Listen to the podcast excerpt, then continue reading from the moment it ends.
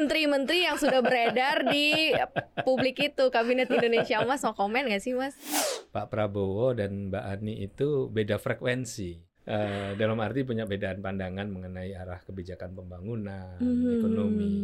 Uh, jadi kalau berdasarkan itu ya rasanya sih agak kurang cocok. Tapi hmm. politik Indonesia itu kan unik. Ada yang pernah bersaing, bergabung ya kan. Jadi uh, ya kata Justin Bieber kan never say never. Pak Prabowo kan sudah mengatakan akan mengajak. Ya. Hmm. Dan saya rasa ada dua partai yang pembicaranya cukup serius untuk mereka Wah, menarik ikutan ini. gitu mm -hmm. ya. Tapi ya mungkin ya mungkin Udah masih ketemu sama siapa aja sih? Malu-malu dikit gitu. ya yang selama ini di koalisi Pak Pak Jokowi juga lah. Oh, oke oke oke.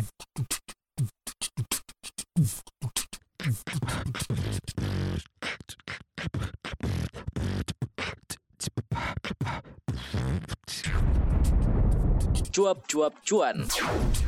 Halo Sobat Cuan apa kabar? Selamat datang di podcast Cuap-cuap cuan Semoga Sobat Cuan selalu dalam kondisi yang sehat dan juga bahagia ya Sudah ada uh, cuan-cuan uh, setelah pilpres kemarin gitu ya Kali aja saham yang dipilih Toto langsung naik gitu ya Karena udah ketahuan nih kira-kira yang menang bakal siapa ada Maria di sini, ada Mike di sini, kita ada M to M di sini Maria sama Mike di sini. Nggak cuma berdua doang gitu karena hari ini spesial banget sob untuk sobat cuan kita di segmen interview ada Pak Derajat di sini. Halo Pak Derajat apa kabar? Halo, eh Mas Mbak Derajat ya kalau di sini nggak ada. Kalau di sini nggak ada Sobat Bapak. Aku harus manggilnya Mas Derajat karena di sini nggak ada Bapak ya. Jadi M3. Oh iya benar. apa? Uh, Maria, Mike, Mas Derajat. Iya. oh iya iya iya iya iya. Oke, jadi sobat cuan, uh, Mas Derajat ini adalah kalau aku sebutin nama lengkapnya ya, Derajat Hariwibowo Dewan Pakar TKN 02 gitu. Apa kabar lagi sibuk-sibuknya nggak sih sekarang? Oh, luar biasa karena kan masih ngurusin pilek juga. Jadi ya apa? Ya, kalau pemilu memang sibuk-sibuknya lah padat-padatnya. Lo mau tanya apa tadi Bang Mike? Katanya efek apa uh, suasana kebatinan iya, ya? Suasana kan, kebatinan. uh, sampai sekarang nih uh, realcon KPU udah uh, 70% lebih hmm, ya. hmm. pilpres uh, yang didukung oleh Mas Derajat unggul, uh, unggul nih hmm, jauh dan udah hampir pasti satu putaran. Nih gimana nih sekarang kondisinya? Apakah lagi pesta-pesta atau malah justru lebih sibuk di sebelum kampanye? Malah justru harus mengatur segala-galanya mesti apa strategi gitu sekarang. Iya kalau pesta-pesta sih enggak ya, tapi kalau seneng Iyalah, kalau menang itu kan kita jalannya enak tuh enteng. kalau kalah itu bawaannya suntuk aja kan. Jadi ya kalau itu wajar lah ya manusiawi ya. uh, tapi uh, kita justru melihat uh, apa PR-nya itu berat sekali, banyak itu apalagi sekarang uh, dua negara sudah mengalami technical uh, recession ya. ya. Uh, kemungkinan akan ada beberapa lagi, kemudian uh, apa risiko perlambatan pertumbuhan global itu sudah ya sudah diyakinin oleh semua pihak gitu ya. Jadi ya uh, challenge-nya besar apalagi kan program Prabowo Gibran ini program hmm. raksasa ya. uh, jadi uh, dalam kondisi dunia begini kita punya program raksasa jadi tantangannya jadi double gitu jadi ya, dua iya, gitu ya. Kan mungkin karena memang nomornya dua jadi tantangannya dua. Tapi udah udah ada tapi obrolan... cuannya juga dua kali lipat. Oh, tapi udah ada obrolan-obrolan konsolidasi atau kayak gimana gitu nggak sih untuk dari Prabowo Gibran karena ini masing-masing masih jalanin tugas nih mm -hmm. Pak Prabowo masih as a menteri Mas Gibran juga masih uh, balik ke Solo. Oh, kalau pembicaraan sih tentu ada ya. Dan kalau kami di Dewan Pakar uh, sekarang justru sedang mengelaborasi uh, itu program-program kalau kemarin kita serahkan ke KPU itu kan uh, mm-hmm. lebih di apa judulnya di atas. Betul, betul. Tentu kan harus dielaborasi. Nah itu kita elaborasi ya contohnya BPN apa yang harus kita siapkan, nah. makan siang apa yang harus kita siapkan, pembangunan apa namanya 25 rumah per desa apa yang harus kita siapkan. Jadi uh, kita justru justru makin apa makin padat tuntutannya untuk menyiapkan materi itu sehingga nanti ketika apa uh, Pak Prabowo dan Mas Gibran dilantik sudah siap. Dan jangan lupa pemerintah kan sekarang harus menyiapkan era, uh, RAPBN 2025 dan uh, tentu kalau pengen segera uh, take off uh, sebagian program kan harus dimasukkan di era, uh, RAPBN 2025 nah uh, jadi eh, justru makin banyak kerjaan sebenarnya. Iya iya iya. Tapi dengan satu putaran harusnya eh, punya range waktu yang lebih ya, panjang gitu ya Mas Derajat ya untuk mempersiapkan 2025 juga ya. Ya alhamdulillah terima kasih sobat cuan sudah satu putaran. Karena pemilih mudanya lebih dari 50% kan Iya, soalnya kan. banyak. 52%.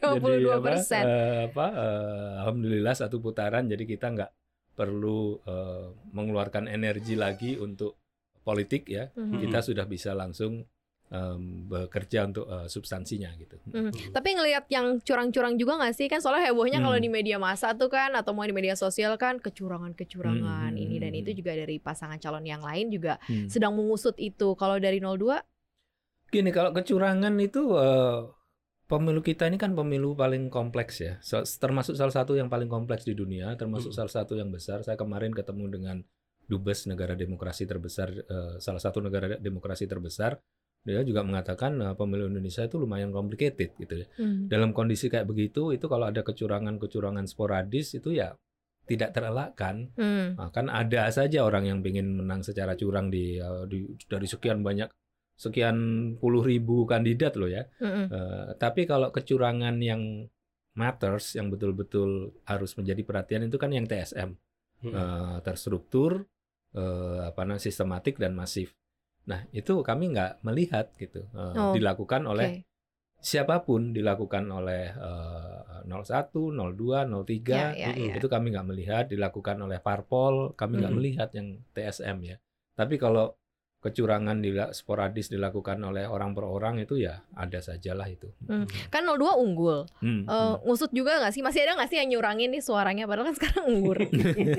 Udah unggul masih ada yang nyurangin Loh, gitu kan, kan. apa namanya Ya, kan mungkin unggul kan eh, bukan berarti kita super kuat di setiap kabupaten kan, Betul, kan betul, ada kabupaten-kabupaten di mana kami relatif lemah Mm-mm. di mana eh, pimpinan politiknya dari eh, teman-teman di parpol sebelah itu kan eh, apa eh, peluang itu ada Hmm. Em, cuman ya kami melihat bahwa eh, sejauh ini yang sifatnya TSM itu eh, belum belum ada dilakukan oleh masing-masing Biasanya Hmm. legislatif yang agak seru ya Mas Derajat ya. legislatif eh, seru karena yang bersaing bukan hanya antar parpol Mm-mm. antar caleg Antar kan. caleg. Jadi ya itu agak agak seru ya. Ya sporadis lah itu yang saya Mm-mm. katakan agak sporadis.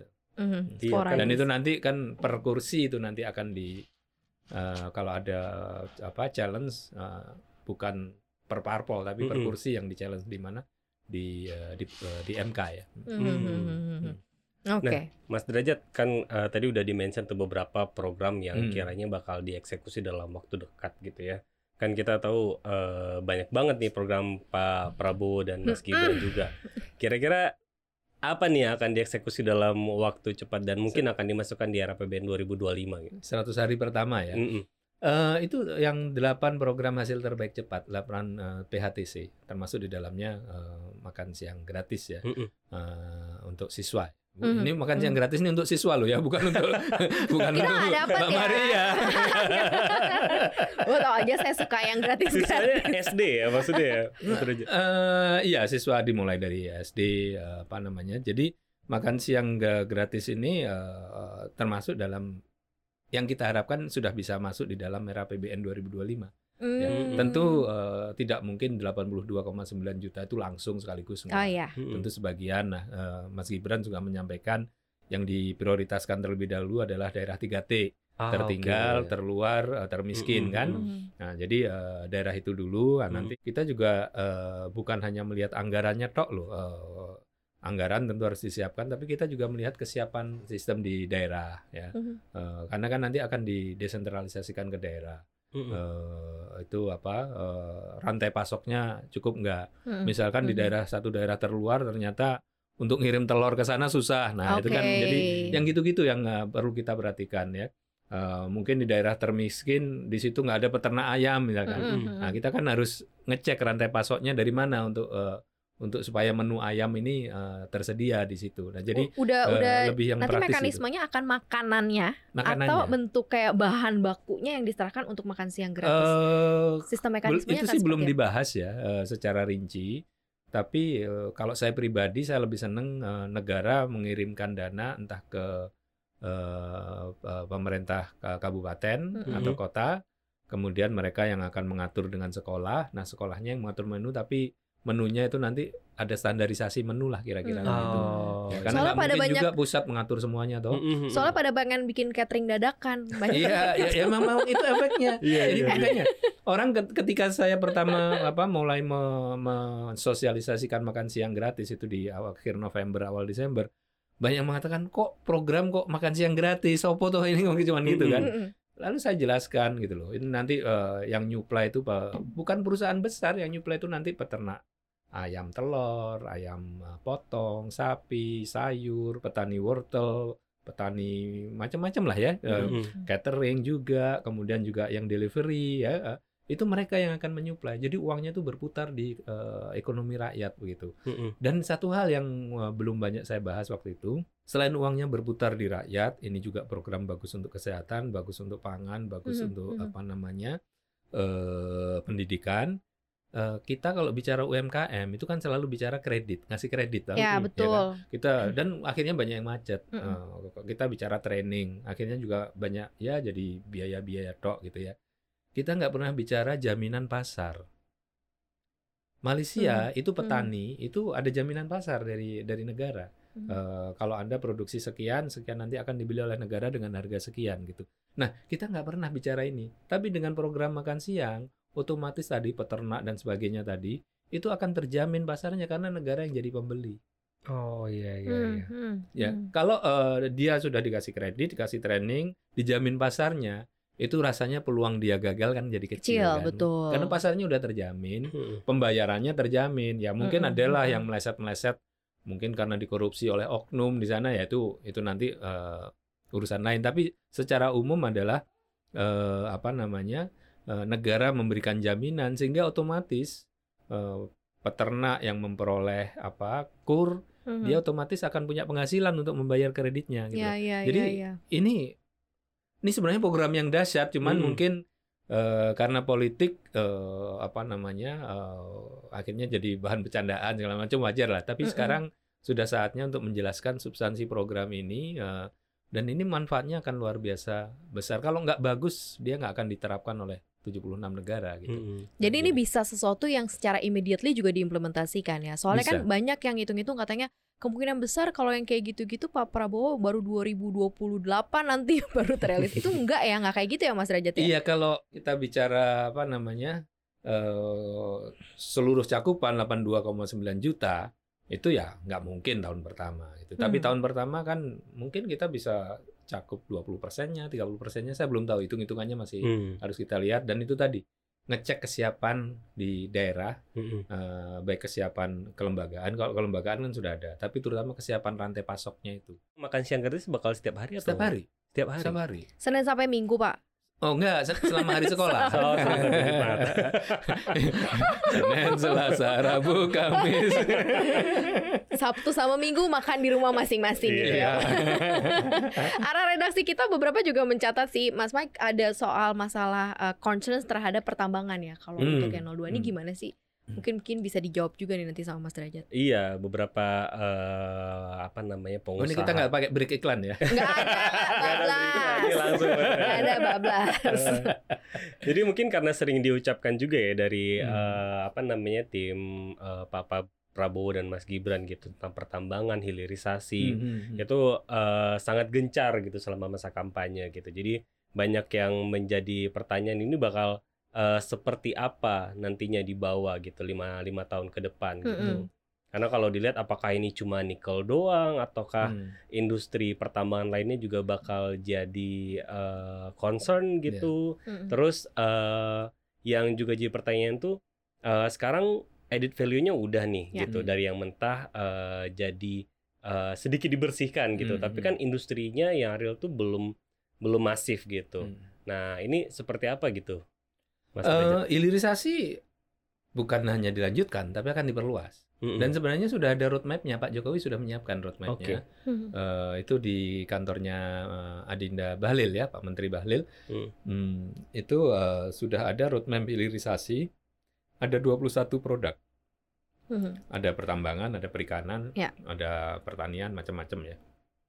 minyak dan gas bumi juga ya. Eh, jadi pertambangan itu ad- eh, mineral ya itu Hmm. akan ada tembaga juga termasuk bauksit. Jadi eh, itu akan di- di- eh, diperluas. Mhm. Cuma eh, biayanya itu kan be- besar sekali 500 miliar dolar lebih 545 kalau nggak salah. Nah, Eh, kebetulan saya eh, tidak ikut sebagai tim penyusun tapi ikut sebagai tim membahas di apa eh, penyiapan eh, roadmap hilirisasi Hmm. itu. Nah biayanya sudah kita hitung tapi memang tekanannya akan lebih banyak ke investasi swasta. Oke. Nah, Hmm. Jadi eh, nanti nikel itu akan dilanjutkan ke sampai ke eh, produk yang paling apa paling hilir yang mungkin ya. Tapi eh, minyak bumi misalkan kita eh, hilirisasi minyak bumi kita ini gagal dulu. Eh, kita nggak nggak kurang kurang perhatikan eh, di situ ya selama eh, puluhan tahun Mhm. ya. Akibatnya eh, eh, apa eh, kita nggak punya industri PET Em, sehingga sekarang plastik, anu untuk obat apa segala macam kita semuanya jadi impor. Oke. Sementara minyak kita sudah habis. Mm-mm. Nah, eh, ini minyak bumi juga akan diambil hilirisasinya yang masih memungkinkan. Gas juga demikian. Nah, Indonesia itu punya sejarah hilirisasi yang berhasil. Eh, Hmm. Tapi ada yang berhasil terus berhasil, ada yang berhasil terus gagal. Nah, Ya, ya. kita juga punya contoh di mana kita nggak punya bahan baku, tapi hilirisasinya berhasil. Mhm. Mie instan. Instan. Hmm. Ya. Kita berkuasa di mana-mana mie Betul, instan betul, itu. betul, betul. Nggak boleh iklan dong ya. Iya, betul, Lah, betul. lah, lah, lah. Ya, Mas. ber- berkuasa kita itu di di apa di di pasar. Jadi Mm-mm. apa di, terutama pasar eh, Afrika. Afrika Iya, dan iya. Jadi iya. eh, hilirisasi itu sudah keharusan, harus Mm-mm. kita jalankan. itu juga masuk ke program kerja 100 hari Masuk- yang Oh, didahulukan. 100 hari nggak mungkin. Nggak Tapi itu mungkin. eh, apa? eh, karena kita harus mengundang investor kan. Mm-mm. Nah, saya pernah ditanya eh, waktu itu oleh Mbak Mari Pangestu, apakah akan eh, ekspor band? Ya. Lah, saya langsung jawab, of course no. Ekspor band itu hanya satu dari strategi hilirisasi. Jadi untuk yang nggak perlu ekspor band, why should we uh, we uh, execute uh, ekspor band? Nggak Mm-mm. perlu. Jadi Hmm. eh, nggak perlu semuanya harus ada ekspor band, nggak perlu. Mm. Artinya eh, nanti akan dilihat satu persatu. Yang paling penting itu adalah menciptakan ekosistem agar orang mau mengembangkan industri hilir karena modalnya besar. Hmm. Dan itu sudah terbukti kita bisa jalankan. Nah, ini memang mau nggak mau kita harus hilirisasi. Ya, lebih Oke. bahasanya industrialisasi sebenarnya. Kayaknya tim eh, pemenangannya kerja keras banget ya. Dewan pakarnya kerja keras banget. Dibutuhkan, Cela. Ini biar masuk nih ke topik selanjutnya. Menteri-menteri yang sudah beredar di publik itu Kabinet Indonesia Emas mau komen gak sih Mas? Eh, Bener gak sih itu tingkat kan udah akurasinya? dibahas, udah dibahas oleh, udah dijawab oleh Mas Erlangga itu hoax, udah dibahas Iya, yang iya. lain itu hoax ya. Tapi kayak kalau kalau itu bener sih keren sih. Hmm, begini, nanti yang akan membahas itu, itu namanya Presiden Jokowi, eh, Pak Prabowo, Mas Gibran, dan para ketua umum partai. Jadi Mm. ada Ma- eh, Mas Erlangga, Bang Zul, Mas Hmm. Ahaye, ya Yang kan? koalisi ya. yang koalisi Hmm. tentu. Kemudian juga eh, mungkin PSI akan eh, ikut juga ya, Mas Kaisang ya. Jadi para ketua umum partai, mereka yang akan membahas. Nanti akan memutuskan berapa parpol, berapa non parpol, kemudian apa namanya eh, portfolionya apa saja. Hmm. Sampai saat ini belum ada pembahasan itu. Jadi kalau ada Hmm. muncul nama ya, aku ya jawabannya cuma bisa ngomong pembahasan itu belum ada. Jadi kalau ada muncul nama ya nggak tahu nama dari mana itu gitu. Tapi kalau Tapi dengan viral vi- Viral banget. Karena udah- negeri udah sangat ditunggu kita ini. itu. Negeri medsos. Iya kan Mas Derajat juga eh, ada background ekonom gitu ya. Hmm. Eh, kalau dilihat-lihat nih, dikira-kira Hmm. aja misalnya dengan program yang seambisius itu, eh, kira-kira bakal ada nama-nama lama dari kabinet sekarang yang bakal lanjut nggak itu, Mas Derajat?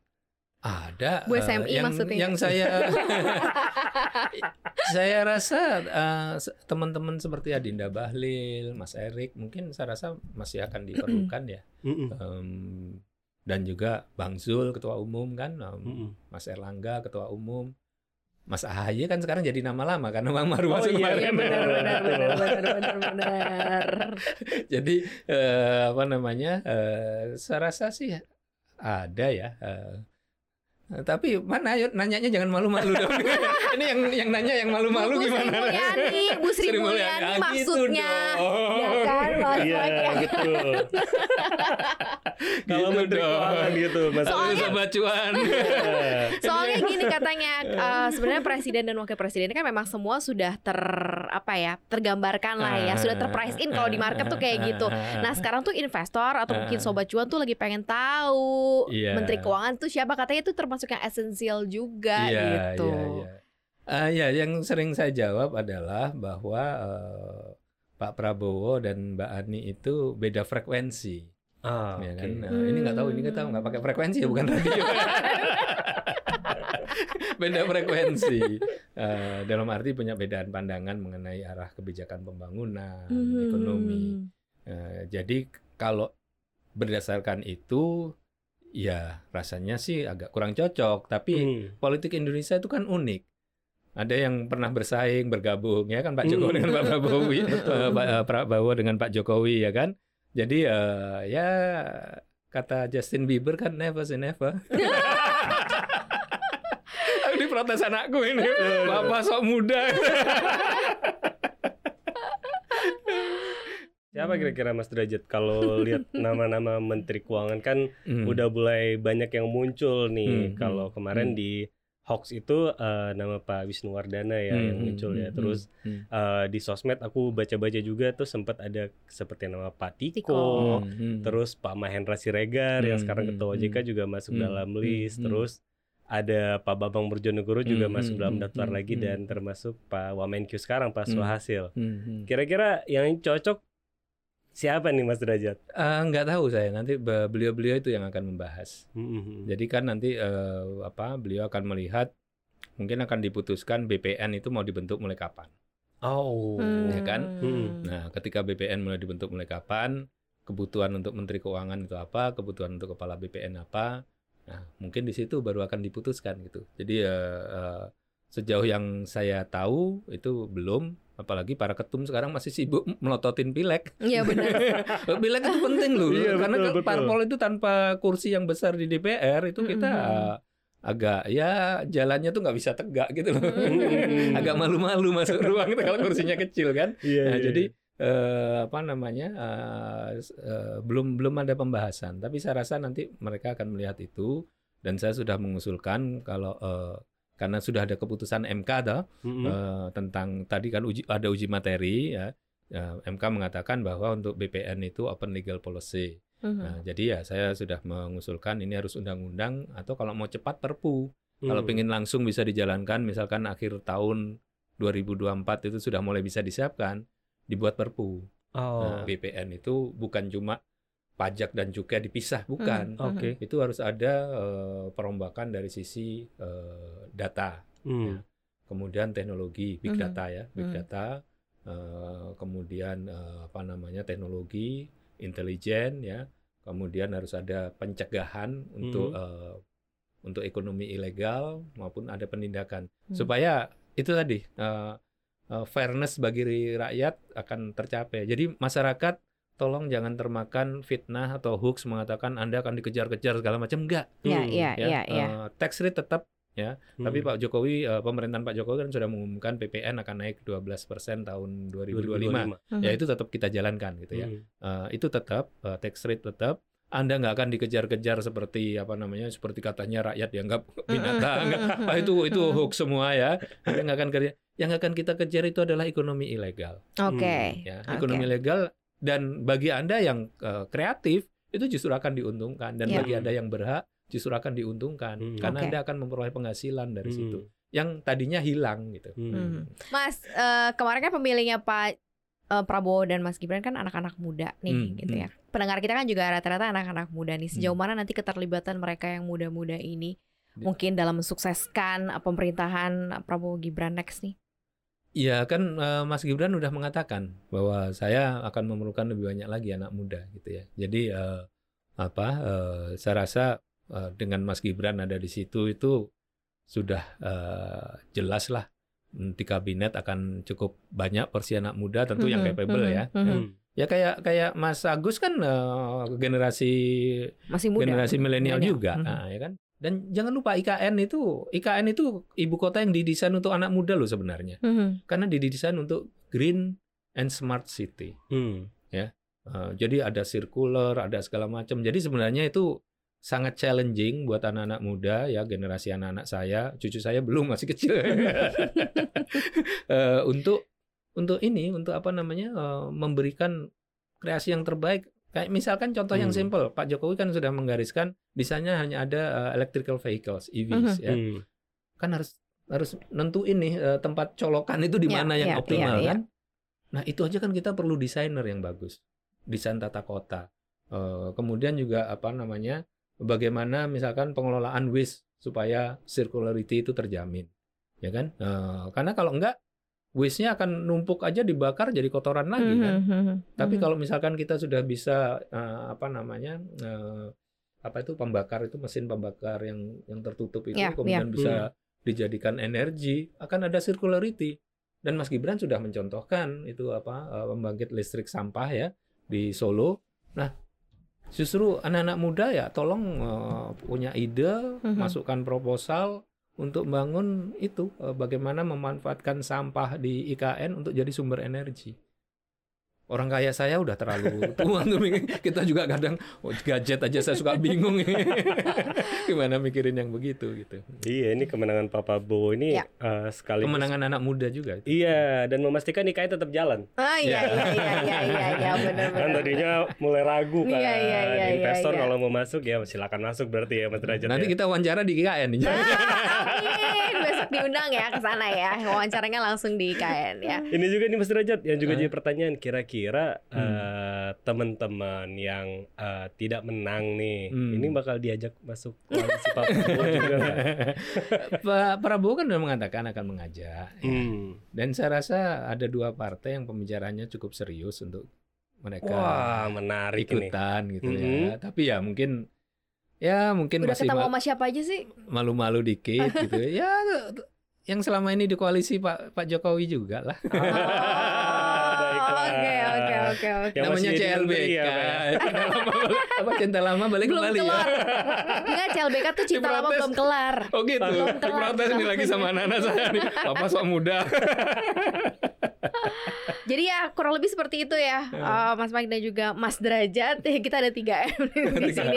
Mudah-mudahan bisa kasih insight juga buat Sobat Cuan. Terima kasih Hmm. juga partisipasinya Sobat Cuan dalam pemilu kemarin. Luar biasa kamu hebat ya.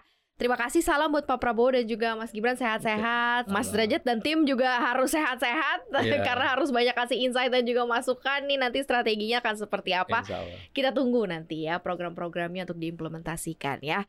Kita pamit, terima kasih udah dengerin podcast kita hari ini. Jangan lupa dengerin konten-konten kita lainnya yang ada di aplikasi Google Podcast, Spotify, Anchor. Kemudian follow akun Instagram kita di @cuap underscore cuan dan subscribe YouTube channel kita di cuap cuap cuan.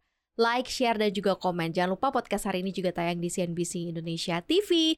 Terima kasih ya, Mas Mike, Maria, Mas Derajat. Pamit, Eh, bye-bye. boleh masih boleh gini kita. boleh, boleh, Boleh, Mas boleh. Derajat pencoblosan. Sah, sah, udah boleh.